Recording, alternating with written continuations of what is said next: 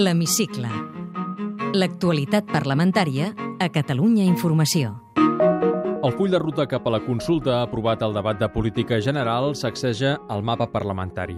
El PSC ha obert una tanda de contactes amb altres partits per explorar la tercera via entre independència i statu quo. El socialista Maurici Lucena argumenta els contactes amb el BP i el popular Santi Rodríguez admet un canvi de relació entre els dos partits. El president Mas el que ha decidit és ja no fer la consulta perquè prefereix anar contra les roques. El que hem de fer les resta de formacions polítiques és tractar de bastir ponts que realment construeixin alternatives a la trencadissa. I en aquest context s'ha d'insertar la reunió de l'altre dia de Pere Navarro amb Alicia Sánchez Camacho. És possible que alguna cosa canviés. És possible, jo no li dic que no.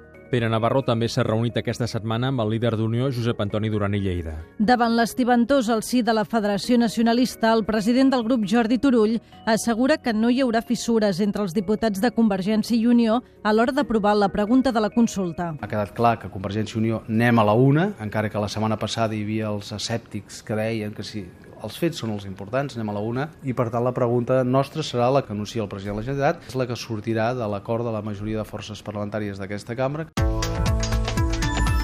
La Comissió d'Estudi sobre el Dret a Decidir ha aprovat aquesta setmana una quinzena de compareixences. Polítics i experts del Quebec, de Gales, l'excap de gabinet de Tony Blair, juristes com Rubio Llorente, Pérez Llorca o catedràtics com Javier Pérez Royo, Francesc de Carreras, Xavier Arbós o Mercè Barceló del col·lectiu Praga. Els compareixents proposats pels diversos grups són persones de molt nivell i que, a més a més, desprenen el valor de la pluralitat en les diverses visions entorn al dret a decidir. Per tant, hem retirat dos dels nostres proposants i acceptarem també que les persones que no estan a la llista de persones convocades com a compareixents puguin fer aportacions sobre el tema per escrit. Com diu la diputada d'Esquerra, Gemma Calvet, alguns noms plantejats han caigut però podran fer aportacions per escrit. Com l'exportaveu de Batasuna Arnaldo Tegui, proposat per la CUP. Quim Arrufat. Havíem proposat també a Arnaldo Tegui, que era una de les persones que podia aportar un coneixement sobre el dret de decidir basat en anys i basat en experiència internacional de l'exercici d'aquest dret de decidir. Hem quedat d'acord tots els grups que com a grups demanarem als compareixents que no han entrat diguéssim en aquesta llista de compareixents les seves aportacions per escrit i seran distribuïdes a la resta de grups per enriquir el, els coneixements d'aquesta comissió.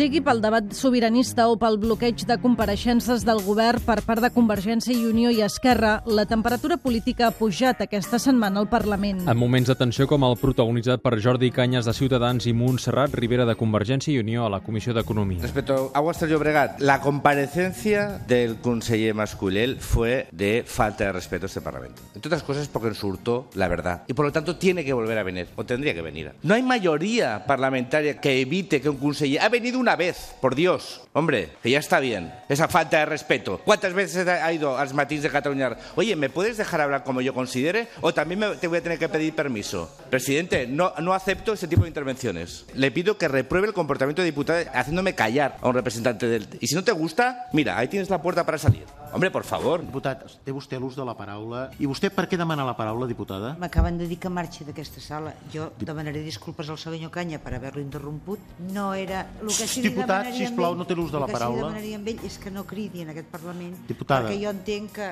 això també ens pot ofendre. D'acord. La majoria de suport al govern ha tombat sistemàticament gairebé totes les peticions de compareixences de consellers a diverses comissions, cosa que ha enfurismat l'oposició. Sobre els casos d'espionatge, Convergència i Unió va aparcar la sol·licitud perquè comparegui Pere Navarro i el PP, les de l'expresident Montilla i els consellers Ortega, Puig i Gordó, entre d'altres. Per cert, que la Comissió d'Afers Institucionals ha aprovat la quarta petició de compareixença de la delegada del govern espanyol, Maria de los Llanos de Luna, perquè expliqui els seus requeriments als ajuntaments per la llei de banderes i les mocions sobiranistes. En cap de les tres ocasions anteriors hi ha anat. El Parlament aprovarà la setmana que ve el seu pressupost, que puja 51 milions d'euros, i els de les sindicatures de comptes i de greuges i el Consell de Garanties Estatutàries, que sumen 18 milions. La cambra disposarà l'any que ve d'1,3 milions menys. La presidenta Núria de Gispert remarca la retallada addicional després d'anys de contínues reduccions de despesa. Una reducció de quasi un 3%. El 25 milions van a parar al capítol 1, perquè és on estan les nòmines dels diputats i del personal d'administració, 15 milions en el capítol 4, 9 en el capítol 2, per tant, l'esforç de contenció ha estat molt important. El Parlament obre la redacció de lleis a la participació directa dels ciutadans a través d'una eina. La web del Parlament posa en marxa aquest espai participatiu, Escó 136, des d'on tothom... El portal que Escó 136.cat permet des d'aquest cap de setmana involucrar-se en els treballs legislatius dels diputats fent aportacions o intercanviant papers amb els mateixos parlamentaris. Només cal inscriure's en un registre al web donant un e-mail i participar.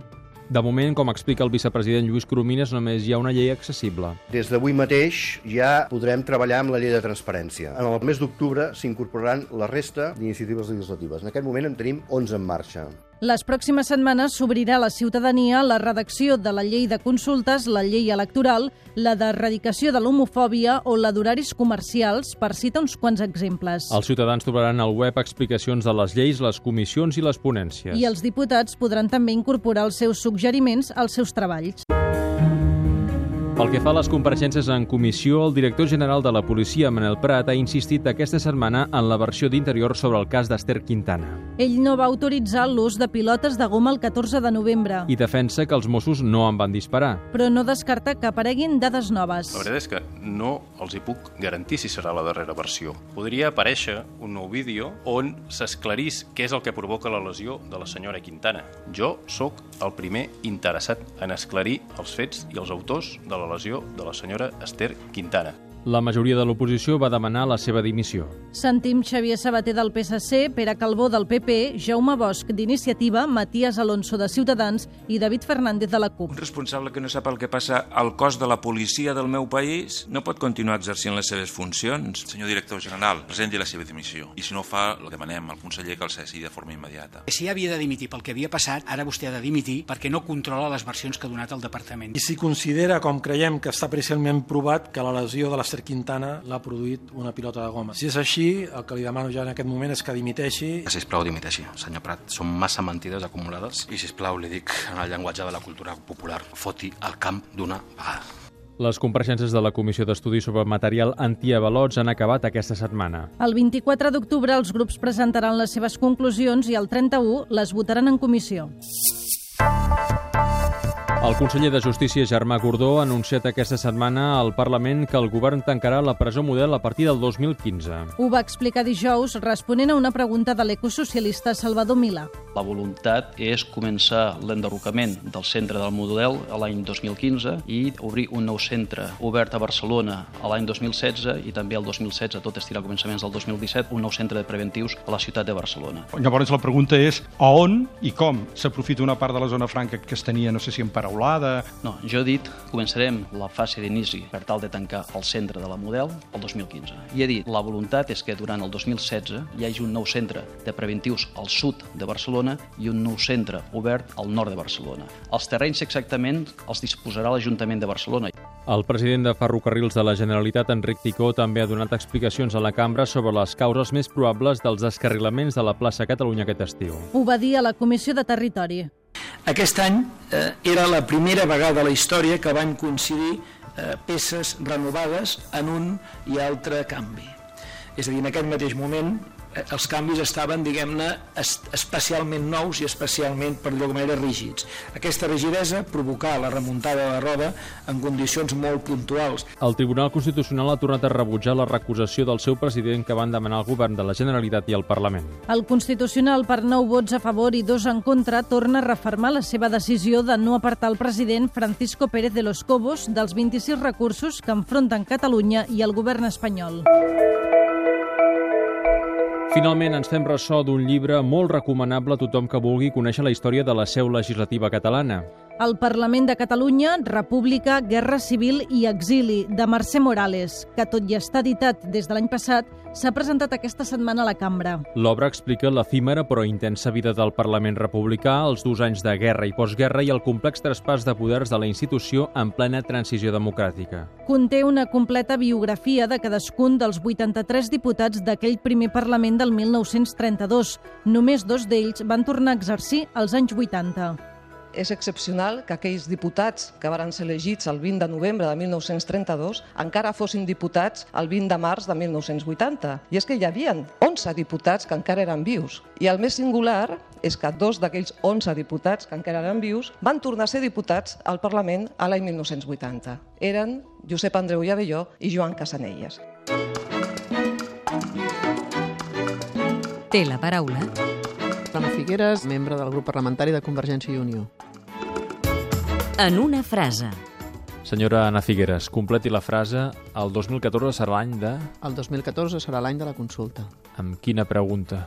Amb una pregunta clara que tingui una resposta claríssima. Una o tres. Quan s'acabarà la crisi? Però jo estic segura que comencem a tindre indicis molt lleus de que les coses poden anar millor. I les retallades? Com ha dit el president, els pressupostos del 2014 doncs ja no hi haurà retallades. Això no vol dir que tinguem més calés. Ha estat mai a la cua de l'atur? No, no hi he estat mai. Si es queda sense feina, quina és la primera porta que truca? Jo, de fet, tinc una excedència d'administració pública. Si em quedés, diguem, sense aquesta, podria recuperar la meva plaça amb la qual estic amb excedència. Quan paga de lloguer o hipoteca? Una hipoteca mm, bastant alta, eh, de 1.200 euros al mes. Ha cobrat o pagat mai en negre? No. Posaria la mà al foc que al seu partit mai ningú ha comès cap irregularitat? Per el que jo sé, posaria la mà al foc. No, espero no, no, no, no cremar-me. De què ha fet abans de fer de diputada? Doncs jo vaig estudiar Magisteri, per tant vaig fer de, de mestre, fent substitucions quan vaig acabar la carrera. Eh, he treballat d'administratiu en alguna empresa, he fet de fornera i després ja vaig optar a unes um, un concurs oposició per entrar dintre del cos laboral de l'administració de la Generalitat i allà em vaig quedar durant 15 anys. Digui'm un viatge pendent. Per exemple, al sud de la Índia. Creu en el destí? És que això de creure... Jo li diria que no. I en l'amor a primera vista? I tant. L'amor sí que mou muntanyes. Amb quin sex símbol compartiria una estona? Juanjo Puig Corbé o Pere Arquilloé. Quina és la pel·lícula de la seva vida? Diria que la plaça del Diamant o la ciutat cremada, que la veiem els meus pares amb allò de les pel·lícules Super 8. Una obra de teatre d'impacte. Jo sóc una persona que ha fet molt, molt, molt teatre. Aquesta setmana vaig anar a veure la meva filla i la meva mare quan feien l'assaig general, una obra molt divertida. Quina novel·la s'ha llegit aquest estiu?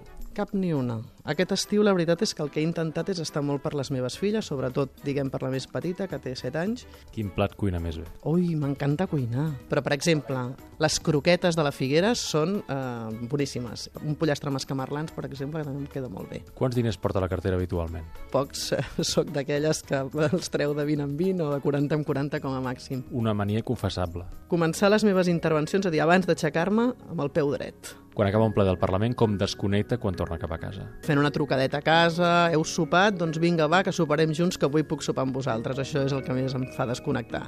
Senyora Ana Figueres, moltes gràcies. Moltes gràcies a vosaltres. Podeu tornar a escoltar aquest programa i recuperar els anteriors a catradio.cat barra hemicicle.